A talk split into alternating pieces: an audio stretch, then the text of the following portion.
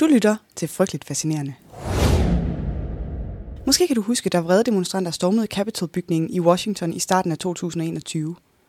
Måske var du lige så overrasket som mig, da du så billederne løbe over diverse nyhedssider. Men så er det fordi, du ikke kommer nok i de helt uregulerede kroge af internettet. Hvis du tror, at et Facebook-kommentarspor kan løbe lidt løbsk, så har du ikke set noget som helst. Overhovedet. For der er afkroge af internettet, hvor det kan løbe helt og aldeles løbsk. Og i nogle af de afkroge, der havde man i flere måneder kendt til planer og intentioner om at storme. Eller planen om en storm i hvert fald. Stormen.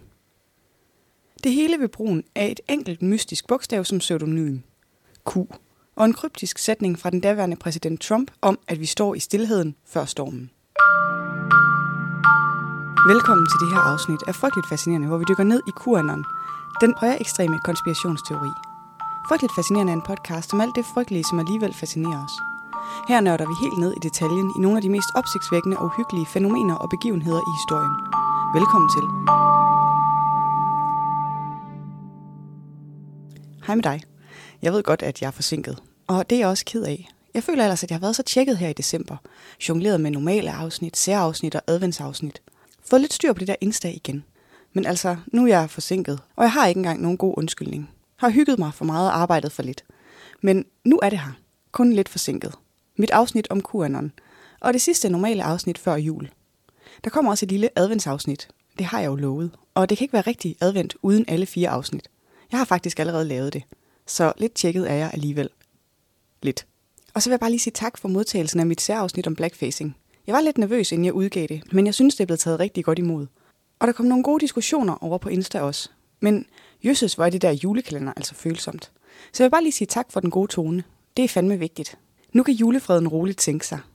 Altså om lidt. Først skal vi lige høre om QAnon, og det er der ikke meget julefred over. Men her kommer det altså. Det starter med nogle mystiske opslag på det mørke internet. Små beskeder, der er næsten poetiske i deres ordlyd, og som antyder, at de kommer fra inderkredsen i det hvide hus, fra dengang Trump var præsident. En med godkendelse på Q-niveau. Måske har du hørt om 4 før. Måske har du endda hørt om det her i podcasten, for jeg har talt lidt om det i min afsnit om indselbevægelsen. Det er et ret vanvittigt sted. Nærmest alt er tilladt. Voldtægtsfantasier, folk der håber flygtninge drukner, folk der ikke tror på holocaust. Men når jeg siger nærmest alt, så er der alligevel undtagelser. For 4chan, de skal ikke bede om QAnon. Nej tak, det skulle for langt ude.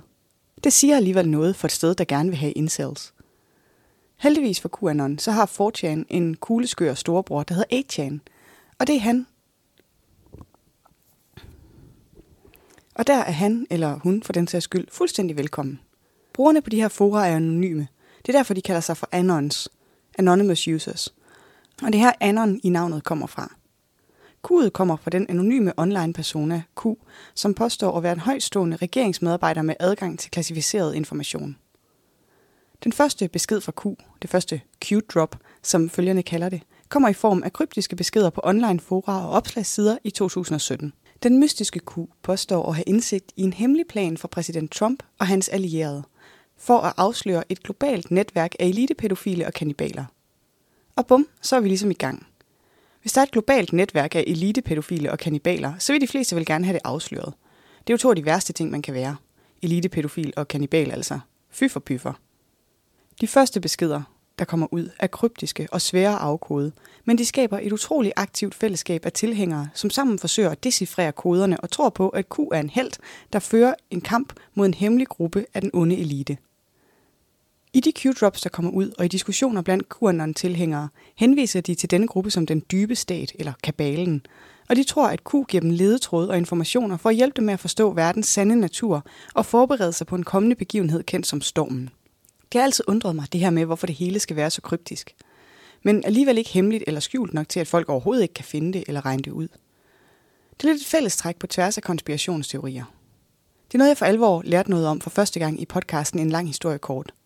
I de første tre afsnit taler Asger om konspirationsteorier, og det er så sindssygt spændende og virkelig velfortalt. Men Asger, han fortæller altså om det her med det paradoxale i, at mange konspirationsteorier forudsætter, at der er en eller anden magtfuld og ressourcestærk elite bag konspirationen. Sådan en, som er allesteds nærværende og kan plante beviser og ændre historien og få folk dræbt og alt muligt andet. Men samtidig så laver de hele tiden sådan nogle dumme fejl og kommer til at lægge ledetråde ud offentligt, som man så som god civil samfundsborger kan opdage, mens man alligevel scroller på Facebook, fordi man har sådan en dygtig internetdetektiv gemt inde i sig. Jeg kan anbefale at lytte til det. Det var de første tre afsnit af en lang historie kort. Men det er altså den her følelse, som jeg ikke kan lade være med at have omkring QAnon også. Jeg forstår simpelthen ikke logikken i, at der skulle eksistere en person, der har al den her viden om en global konspiration, og så i stedet for at spille the tea ordentligt, som vi siger på jysk, så laver han de her kryptiske beskeder. Hvorfor dog spille tiden med det? For ikke at blive opdaget? Fordi, fordi konspirationisterne ville komme efter en, hvis man bare afslørede det hele. Hvis de er så allesteds nærværende og magtfulde, så kan de vel for pokker også afkode de små mystiske beskeder. Jeg mener bare, altså hvis lægmand kan gætte det fra sin iPhone, så kan en magtfuld superelite vel også. Eller er der noget, jeg overser? Så hvad tror QAnons tilhængere egentlig? Hvordan ser de verdenssammenhængen? Hvorfor har de tillid til de Q-drops? Det er svært at sætte fingeren på en enkelt sæt af overbevisninger, fordi QAnon er meget bred og en diffus bevægelse med mange forskellige små fraktioner med hver deres fortolkninger. Der er dog en del fælles temaer og overbevisninger blandt QAnon-tilhængere.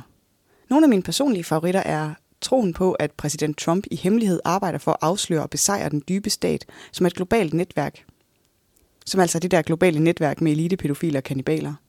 Troen på, at den dybe stat er ansvarlig for nærmest alle verdens under, både terrorisme, krig og økonomisk stabilitet. Troen på, at den her Q er en held, der giver sine tilhængere indsigt og information for at hjælpe dem med at forstå verdens sande natur og forberede sig på stormen. Troen på, at mange fremtrædende personer, herunder politikere, kendte og endda medlemmer af den royale familie, er medlemmer af den dybe stat, og de er alle sammen involveret i pædofili og andre former for ondskab. Og okay, medgivet det der med pædofili i monarkier har fået en del mere vind i sejlene, efter den der grisede engelske prins åbenbart har haft voldtægt af børn solgt som sexslaver blandt sine hobbyer. Og ja, jeg er ikke ligefrem fan af monarkier, så han får ingen venlig læsning af mig. Men selv jeg har altså svært ved at forestille mig, at det der med pædofili skulle være noget, særligt mange kendte og kongelige er involveret i. Så er det troen på, at mange verdensbegivenheder herunder naturkatastrofer og masseskyderier faktisk er false flag operationer udført af den dybe stat for at distrahere og narre offentligheden. Og ding ding ding, bonus til dig, hvis du kender en i dit Facebook-feed, der havde lidt den indstilling til corona – jeg havde i hvert fald en på min Facebook, som udover at være vanvittig vaccinekritisk, også var helt sikker på, at corona bare var en undskyldning for, at vores fascistiske regering kunne fjerne vores rettigheder. Og selvom de overbevisninger kan lyde lidt håbløse og utrolige for mange mennesker, så har de altså fået en betydelig følgerskare på sociale medier og internettet mere bredt. Faktisk er QAnon blevet beskrevet som den største og mest farlige konspirationsteori i amerikansk historie, på grund af dets potentiale for at inspirere til vold og alt muligt andet. Så hvordan opstod QAnon, og hvordan har det udviklet sig? QAnons oprindelse kan, som jeg sagde i starten, spores tilbage til en række indlæg på det online forum 4chan i 2017. Indlæggene var skrevet under pseudonymet Q, og så påstod de altså at have indsigt i en hemmelig plan fra præsident Trump og hans allierede for at afsløre det der globale netværk. Med tiden udvikler indlæggene sig til en udbredt konspirationsteori, med QAnon-tilhængere i online-fællesskaber, som fortolker Q's beskeder på forskellige måder og tilføjer deres egne idéer og fortolkninger til cocktailen. De allerførste drops kommer den 28. oktober 2017, og de næste tre dage kommer der yderligere 16 beskeder fra QAnon på foraret 4chans opslagstavle pol, som mest alt er kendt for at være spækket med grotesk politisk indhold og grænsesøgende memes. Lynhurtigt etableres det, at Donald Trump er helten i historien, og så trækker de første Q-drops i høj grad også på noget, der skete i 2016, som hedder Pizzagate. Måske kan du godt huske Pizzagate, men i tilfælde af, at du ikke kan, så var det en online konspirationsteori om, at Hillary Clinton drev et netværk af børnebordeller fra kælderen i et pizzeria. Og det der med børnebordeller, det er altså noget, der virkelig kan få sindene i kog. Så da den konspirationsteori breder sig, så er der en del mennesker, der tror på den, som får lyst til at gøre noget. Stop den her frygtelige pædofili. En af dem var Edgar Madison Welsh fra North Carolina – han blev anholdt den 4. december 2016 for at affyre et automatisk gevær på et pizzeria i Washington D.C., som angiveligt skulle være stedet for forbrydelserne. Welches anholdelse hjalp med at afsløre konspirationen, for der var ikke nogen børnesexslaver i kælderen på det pizzeria. Og så var Hillary Clinton ellers frikendt. For nu. Men fra Pizzagates aske opstod QAnon. For man kan sige, at QAnon erstatter Pizzagate, og også erstatter Pizzagates akilleshæl. Pizzagate var for specifik for falsificerbar for nu at bruge Askers glimrende videnskabelige udtryk. Det var for let at afsløre, at det ikke havde noget på sig. Så hvor Pizzagate er konkret, let tilgængelig og endegyldig, så er Q-dropsene tvetydige, kodificerede og tilpasningsdygtige. FBI-anon, som var den profil, der stod bag de første opslag om Pizzagate og påstod at være analytiker i regeringen, blev erstattet af Q, som påstod at være Intel-officer med klassificeret information om den globale konspiration. QAnon-fællesskabet er derefter vokset og udvidet med tilhængere, der organiserer sig på sociale medieplatforme, og endda også afholder store internationale begivenheder og rallies. På hjemmesiden Bellingcat har de analyseret samtlige Q-drops, og det er mere end 4.000 i alt. Analysen af Q-drop-datasættet giver indsigt i QAnons udvikling og tilpasningsdygtighed. Og det er det, der er nøglen til at forstå, hvordan bevægelsen har formået at opretholde en så dedikeret følgerskare, som der har været en del mislykkede profetier og modsigelser. Netop det, at QAnon ikke er en statisk konspirationsteori, er en af de vigtigste kilder til den succes. Siden starten af 2017 har den løbende udviklet sig og fokuseret på forskellige nøgleelementer og adopteret elementer fra andre konspirationsteorier. Det er den plasticitet, der er nøglen til succesen. En af de vigtigste faktorer for QAnons vækst har selvfølgelig været udviklingen på sociale medier og de muligheder for spredning af falske nyheder og information, som internettet giver. Altså selv jeg kan jo med mine begrænsede tekniske kompetencer producere noget, som ligner en nyhedsartikel og sprede den rundt omkring. Det samme kan QAnon-tilhængere. De bruger de sociale medieplatforme til at dele og diskutere deres overbevisninger, og det er selvfølgelig derfor, det har været muligt at sprede konspirationen ud globalt. Men QAnon har ikke kun været et fænomen på sociale medier. Det har også spredt sig ind i den virkelige verden, med tilhængere, som dukker op ved Trump-rallies og andre begivenheder for at vise deres støtte til konspirationsteorien. QAnon-tilhængere har endda åbent stillet op til valg til politiske poster med flere kandidater, som nævner QAnon i deres kampagnemateriale og taler. Det har ført til bekymring for QAnons potentielle indvirkning på samfundet. Altså, hvis der findes mennesker, som var villige til at afføre skud i et pizzeria over Pizzagate, hvad kan QAnon så mobilisere folk til, hvis de tror, at de kæmper mod den dybe stat? Desuden har spredningen af QAnon bidraget til en grad af erosion af tilliden til institutioner og mainstream medier. QAnon-tilhængere afviser tit mainstream nyhedskilder som fake news og læner sig i stedet op af alternative kilder til information. Altid nogen, der støtter deres egen overbevisning. Det er en tendens, som man har set sprede sig til andre fællesskaber end bare QAnon. Under corona så vi det virkelig udbredt blandt antivaxere, som delte ting fra alle mulige kilder, man ikke helt kunne identificere – et af de eksempler, der står klarest i min egen hukommelse, var sådan en video med seks mennesker i hvide kitler med flag fra forskellige lande foran sig, som sad omkring et konferencebord. Det var helt tydeligt meningen, at de skulle ligne officielle repræsentanter for de landes sundhedsmyndigheder, men der var ingen måde at undersøge, hvem de egentlig var, og om de overhovedet var sundhedsuddannede. Men alligevel er det svært at sætte sig ind i, hvorfor i Helgoland, at millioner af mennesker med enorm entusiasme køber ideen om, at Tom Hanks og Hillary Clinton og Bill Gates og deres venner i det engelske kongehus kontrollerer verden, mens de hygger sig med at tilbede satan og torturere og spise småbørn. Og derfor så skal du møde Sarah. Sarah hun kommer fra en lille by i West Virginia, og før du bliver der til at lede efter Sarah, så har jeg opdigtet hende til formålet.